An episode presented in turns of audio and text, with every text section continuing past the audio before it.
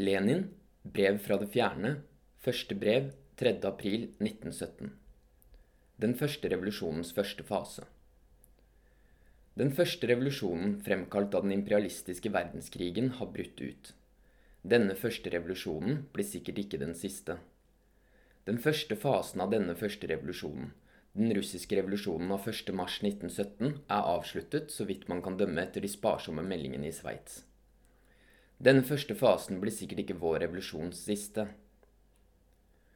Hvordan kunne det mirakel skje at et monarki som har hevdet seg gjennom århundrer, og som tross alt hadde holdt stand i de tre årene 1905 til 1907 med uhyre voldsomme folke- og klassekamper, falt sammen på bare åtte dager, det tidsrom herr Miljukov nevner i sitt pralende telegram til alle Russlands representanter i utlandet. I naturen og historien skjer det ingen mirakler, men enhver brå vending i historien, herunder enhver revolusjon, er så innholdsrik og utfolder så overraskende eiendommelige kombinasjoner av kampformer og kjempende krefter at mangt og meget for en småborgerlig hjerne må fremstå som et mirakel. For at tsarmonarkiet kunne falle sammen på noen få dager, var det nødvendig at en hel rekke forutsetninger av verdenshistorisk betydning forentes. La oss peke på de viktigste. Uten de tre års veldige klassekamper og det russiske proletariatets revolusjonære energi i årene 1905 til 1907 ville den neste revolusjonen umulig ha kunne foregå så hurtig at en startfase ble avsluttet på noen få dager. Den første revolusjonen 1905 hadde pløyd bunnen dypt, revet århundregamle fordommer opp med roten, vekt millioner av arbeidere og mange millioner bønder til politisk liv og politisk kamp. Den hadde blottlagt alle det russiske samfunnets klasser og alle viktige partier for hverandre, for hele verden, og vist deres virkelige natur, det virkelige forholdet mellom deres interesser, deres krefter, deres aksjonsmetoder, deres nærmeste og fjernere mål. Den første revolusjonen og den følgende kontrarevolusjonære epoken 1907 1914 hadde avslørt tsarmonarkiets vesen. Kledd av til skinnet avdekket hele dets råtnhet og usselhet, hele kynismen og fordervetheten hos den tsariske bande med den uhyrlige Rasputin i spissen, avdekket romanofarnes bestialitet, disse pogromheltene som hadde vetet Russlands jord med jødenes, arbeidernes og de revolusjonæres blod. Disse godseiere, de første blant likemenn som eide millioner av desiantiner jord, var rede til alle bestialiteter, til alle forbrytelser, til å ruinere og kvele et hvilket som helst antall medborgere for å bevare deres egen og deres klasses hellige eiendom. Uten revolusjonen 1905-1907, uten kontrarevolusjonen 1907-1914, hadde en så nøyaktig selvbedømmelse av alle klasser innenfor det russiske folk og de øvrige folk i Russland ikke vært mulig. De ville ikke ha kunnet fastslå deres forhold til hverandre og til tsarismen slik det kom til uttrykk i februar-mars-revolusjonens åtte dager i 1917. Denne åttedagersrevolusjonen ble, om man får uttrykke seg så billedlig, spilt, som om et dusin prøver og generalprøver hadde funnet sted Aktørene kjente hverandre, deres roller, deres plasser, deres scener på kryss og tvers til de minste enkeltheter, til de politiske retningers og aksjonsmetoders minste avskygninger. Men for at den første store revolusjonen i 1905, som av herrene Gutsjkov og Miljukov og deres haleheng ble stemplet som et stort opprør, etter tolv år kunne føre til den strålende, den ærefulle revolusjonen i 1917, som folk av Gutsjkovs og Miljukovs slag betegner som ærefull fordi den inntil videre har gitt dem makten, Dertil krevdes det ytterligere en stor, kraftfull og allmektig regissør som var i stand til på den ene siden å fremskynde verdenshistoriens gang i veldig målestokk, og på den andre siden å fremkalle verdensomfattende økonomiske, politiske, nasjonale og internasjonale kriser av uhørt heftighet. Foruten den verdenshistoriske utviklings usedvanlige akselerasjon krevdes det særlig bratte vendinger i denne utviklingen, slik at Romanov-monarkiets blodige og tilsølede vogn med en av disse vendingene kunne veltes med ett slag. En slik allmektig regissør, en slik mektig akselerator, ble den imperialistiske verdenskrigen. Allerede nå er det hevet over enhver tvil at det er en verdenskrig, for De forente stater og Kina er allerede nå halvveis dratt med i den, og vil i morgen bli det helt. Allerede nå er det hevet over enhver tvil at krigen er imperialistisk fra begge sider. Kun kapitalistene og deres haleheng, sosialpatriotene og sosialsjåvinistene, eller i stedet for allmenne nedsettende benevnelser sagt med kjente navn fra Russlands politiske liv, kun folk som Gutsjkov, Lvov, Miljukov og Shingarov på den ene siden, og kun folk som Gvostjev, Petrosov, Tsjenkeli, Kerenskij og Shidze på den andre siden, vil bestride eller tilsløre denne kjensgjerningen. Krigen blir både av det tyske og av det engelsk-franske bourgeoisie ført for å røve fremmede land, for å kvele små nasjoner, for å tilrive seg det finansielle verdensherredømmet, for å oppdele og nyoppdele koloniene, for å redde det synkende kapitalistiske regimet ved å villede og splitte arbeiderne i de ulike land. Den imperialistiske krigen måtte med objektiv nødvendighet fremskynde og i uhørt grad tilspisse proletariatets kamp mot bourgeoisiet, måtte slå om i borgerkrig mellom de fiendtlige klasser.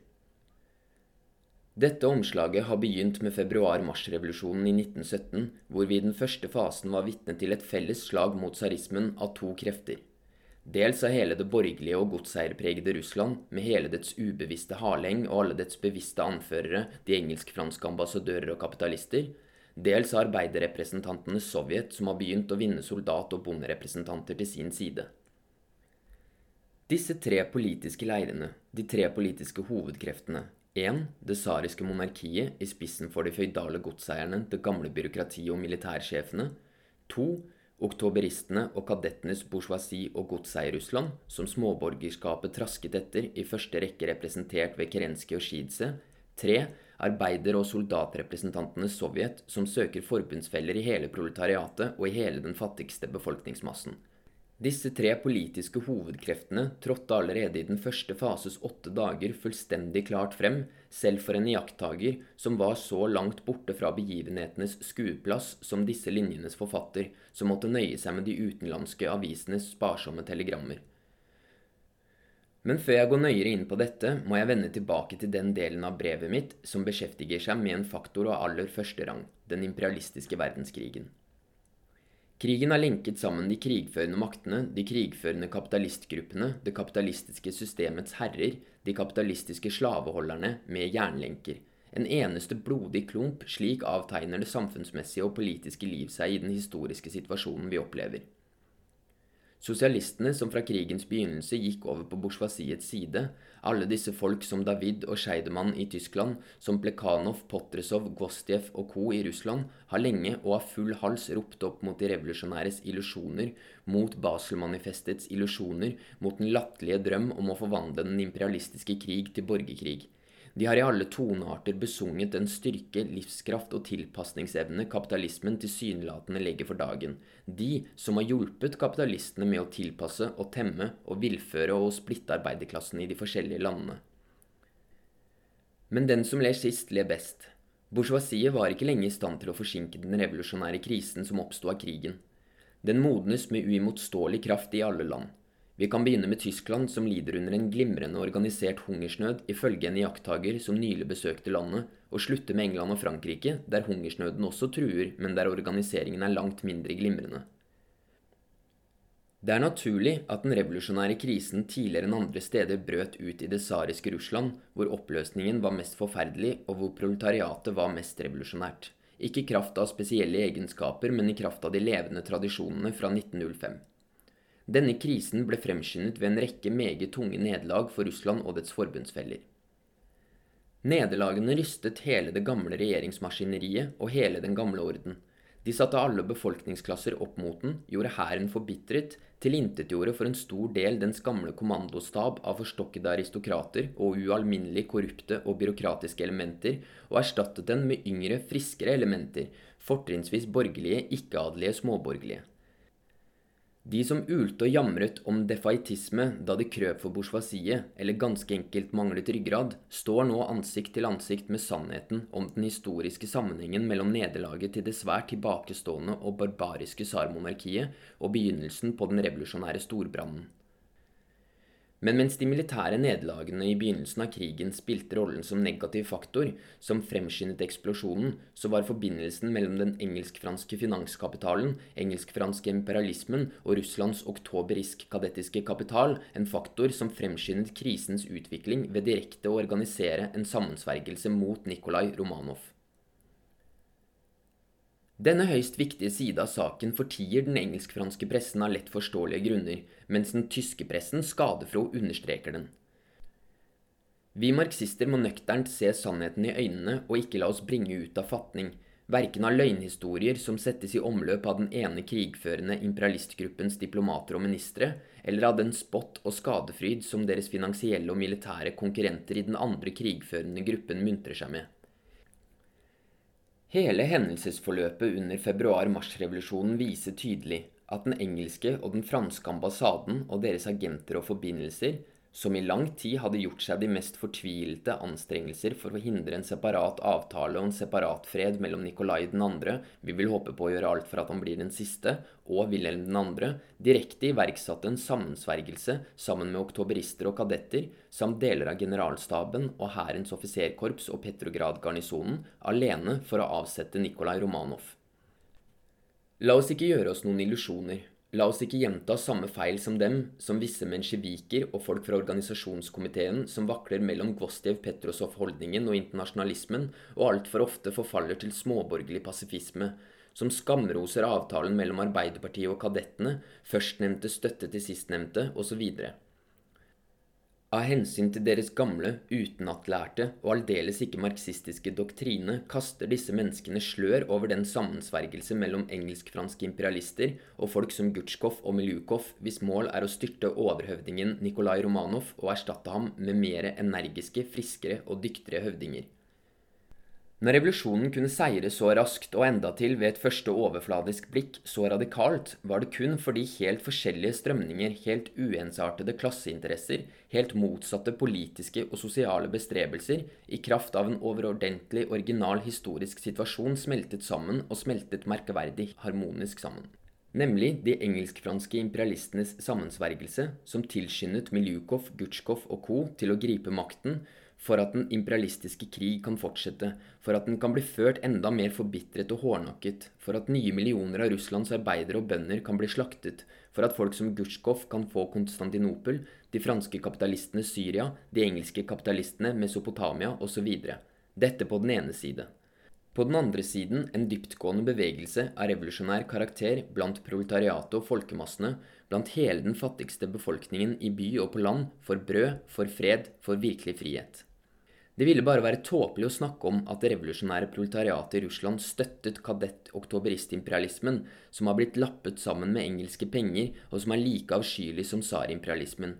De revolusjonære arbeiderne har kjempet for å knuse det grufulle tsarmonarkiet, de har allerede knust det i betydelig grad og vil knuse det til grunnen uten å la seg henrive eller forvirre av Buchanan, Gutsjkov, Milukov og co., som kun vil erstatte én tsar med en annen, og også helst en Romanov har hjulpet dem i visse korte historiske perioder som alene er historiske i kraft av den øyeblikkelige utviklingen. Slik og kun slik forholder det seg. Slik og kun slik må en politiker dømme som ikke frykter sannheten, som nøkternt avveier de sosiale kreftenes styrkeforhold i revolusjonen, som vurderer enhver situasjon ikke alene ut ifra dens gitte øyeblikkelige originalitet, men også ut fra dens dypereliggende drivkrefter, det dypereliggende styrkeforholdet mellom proletariatet og bourgeoisiets interesser så vel i Russland som i hele verden. Petrograds arbeidere har som arbeiderne i hele Russland oppofrende kjempet mot tsarmonarkiet, for frihet, for jord til bøndene, for fred, imot det imperialistiske massemordet. Den engelsk-franske imperialistiske kapital har for å kunne fortsette å forsterke dette massemordet satt i gang hoffintriger, stiftet sammensvergelser sammen med offiserene i garden, oppmuntret folk som Gutsjkov og Miljukov og gitt dem mot og satt sammen en fullt ferdig ny regjering som da også straks etter den proletariske kamps første slag mot tsarismen har grepet makten. Denne nye regjeringen, hvor i oktoberistene og fredsfornyerne, gårsdagens håndlangere for bøddelen Stolpin, Lvov og Gutsjkov, besetter virkelig viktige poster. Kampposter, nøkkelposter med innflytelse på hæren og embetsmannsstanden. Denne regjeringen hvor Miljukov og andre kadetter mer sitter til pynt som blikkfang for å levere nydelige professorale taler, mens Trudovikken Kerenskij er tildelt rollen som balalaika-spiller for å narre arbeiderne og bøndene. Denne regjeringen består ikke av en tilfeldig flokk personer. De er representanter for en ny klasse som har steget opp til politisk makt i Russland. Representanter for de kapitalistiske godseiernes og bourgeoisiets klasse, som lenge har regjert vårt land økonomisk, og som både i revolusjonsårene 1905 til 1907, i kontrarevolusjonsårene 1907 til 1914, og endelig, i særlig hurtig tempo, under krigsårene 1914 til 1917, svært raskt har organisert seg politisk idet den har tatt kontrollen over både de lokale selvstyreorganer og folkeundervisningen, representasjoner av forskjellig art, Riksdomaen, Krigsindustrikomiteen osv. Denne nye klassen var allerede i 1917 nesten helt ved makten. Derfor behøvdes det også kun ganske få slag før tsarismen falt og gjorde banen fri for bourgeoisiet. Den imperialistiske krigen, som krevde en uhyre kraftanstrengelse, fremskyndet det tilbakestående Russlands utvikling så sterkt at vi har innhentet Italia og England, og nesten også Frankrike, med ett slag. I virkeligheten kun tilsynelatende med ett slag, og fått en parlamentarisk, nasjonal koalisjonsregjering.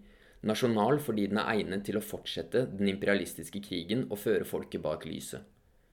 Ved siden av denne regjeringen, som sett ut fra den nåværende krigen egentlig kun er agent for milliardfirmaene England og Frankrike, har det oppstått en ny, uoffisiell, lite utviklet, ennå ganske svak arbeiderregjering som er uttrykk for proletariatet og hele den fattigste by- og landbefolkningens interesser. Det er arbeiderrepresentantene sovjet i Petrograd som søker kontakt med soldatene og bøndene, og likeledes med landarbeiderne, ja, med dem naturligvis i særlig grad i første rekke, og mer iherdig enn med bøndene. Dette er den virkelige politiske situasjonen som vi fremfor alt må ha klarlagt med den største mulige objektive nøyaktighet for å bygge vår marxistiske taktikk på den eneste solide basis, kjensgjerningenes basis. Tsarmonarkiet er styrtet, men ennå ikke tilintetgjort. Kadettenes og oktobristenes borgerlige regjering, som ønsker å føre den imperialistiske krigen til den bitre enden, er i virkeligheten agent for finansfirmaet England-Frankrike, men tvunget til å love folket et maksimum av frihet og almisser, så vidt det er forenlig med at denne regjeringen beholder makten over folket og muligheten til å fortsette det imperialistiske massemordet. Arbeiderrepresentantenes sovjet er kimen til en arbeiderregjering, et organ for alle de fattigste befolkningsmassenes interesser, dvs. Si for de ni tiendeler av befolkningen som forlanger fred, brød og frihet. Disse tre kreftenes kamp bestemmer den situasjonen som nå har inntruffet, og som danner overgangen fra revolusjonens første til dens andre fase.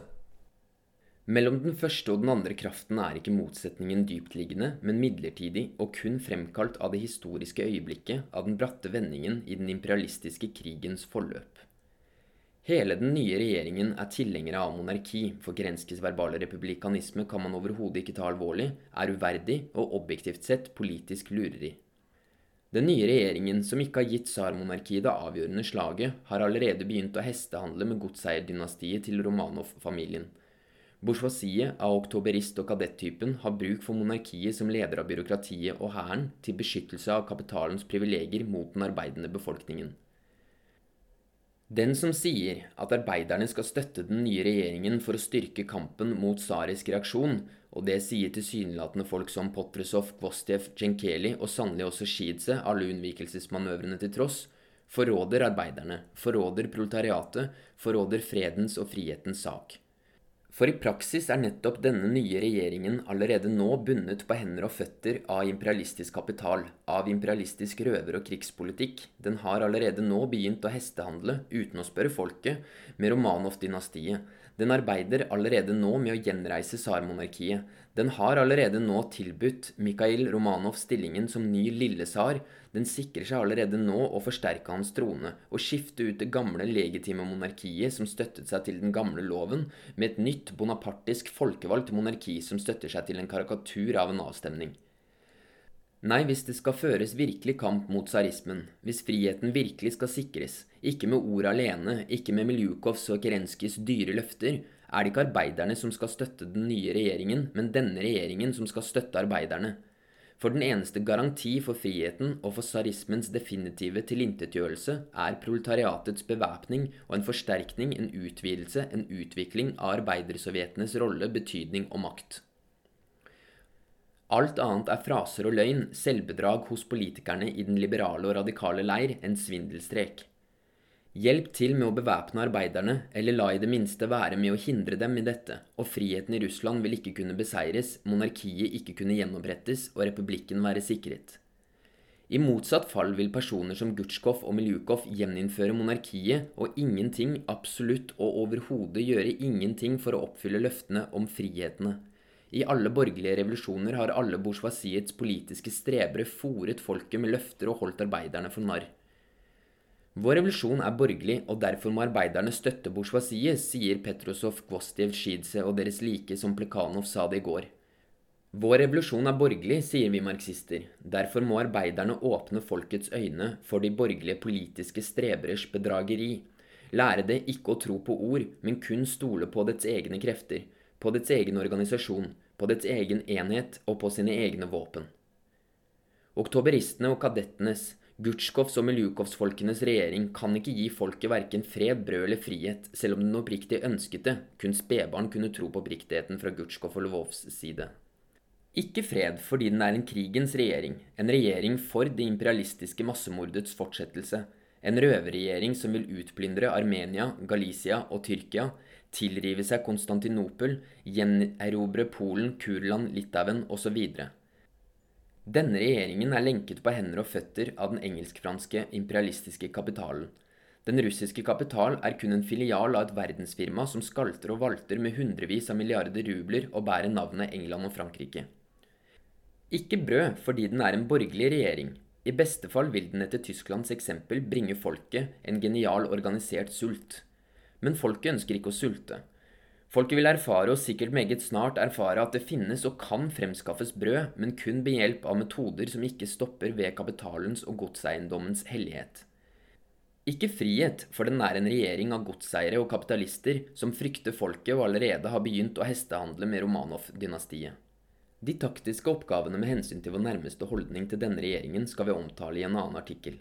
Der vil vi vise det særegne ved den nåværende situasjonen, overgangen fra revolusjonens første til dens andre fase, og hvorfor den dagsaktuelle parolen som i dette øyeblikket gjelder, må være Arbeidere, i borgerkrigen mot tsarismen har dere utført mirakler av proletarisk heltemot, av folkemot. Dere må utføre mirakler i organiseringen av proletariatet og av hele folket for å forberede deres seier i revolusjonens andre fase. Når vi her begrenser oss til en analyse av klassekampen og av styrkeforholdet mellom klassene i revolusjonens nåværende fase, må vi også stille spørsmålet hvilke forbundsfeller har proletariatet i den nåværende revolusjonen? De har to forbundsfeller.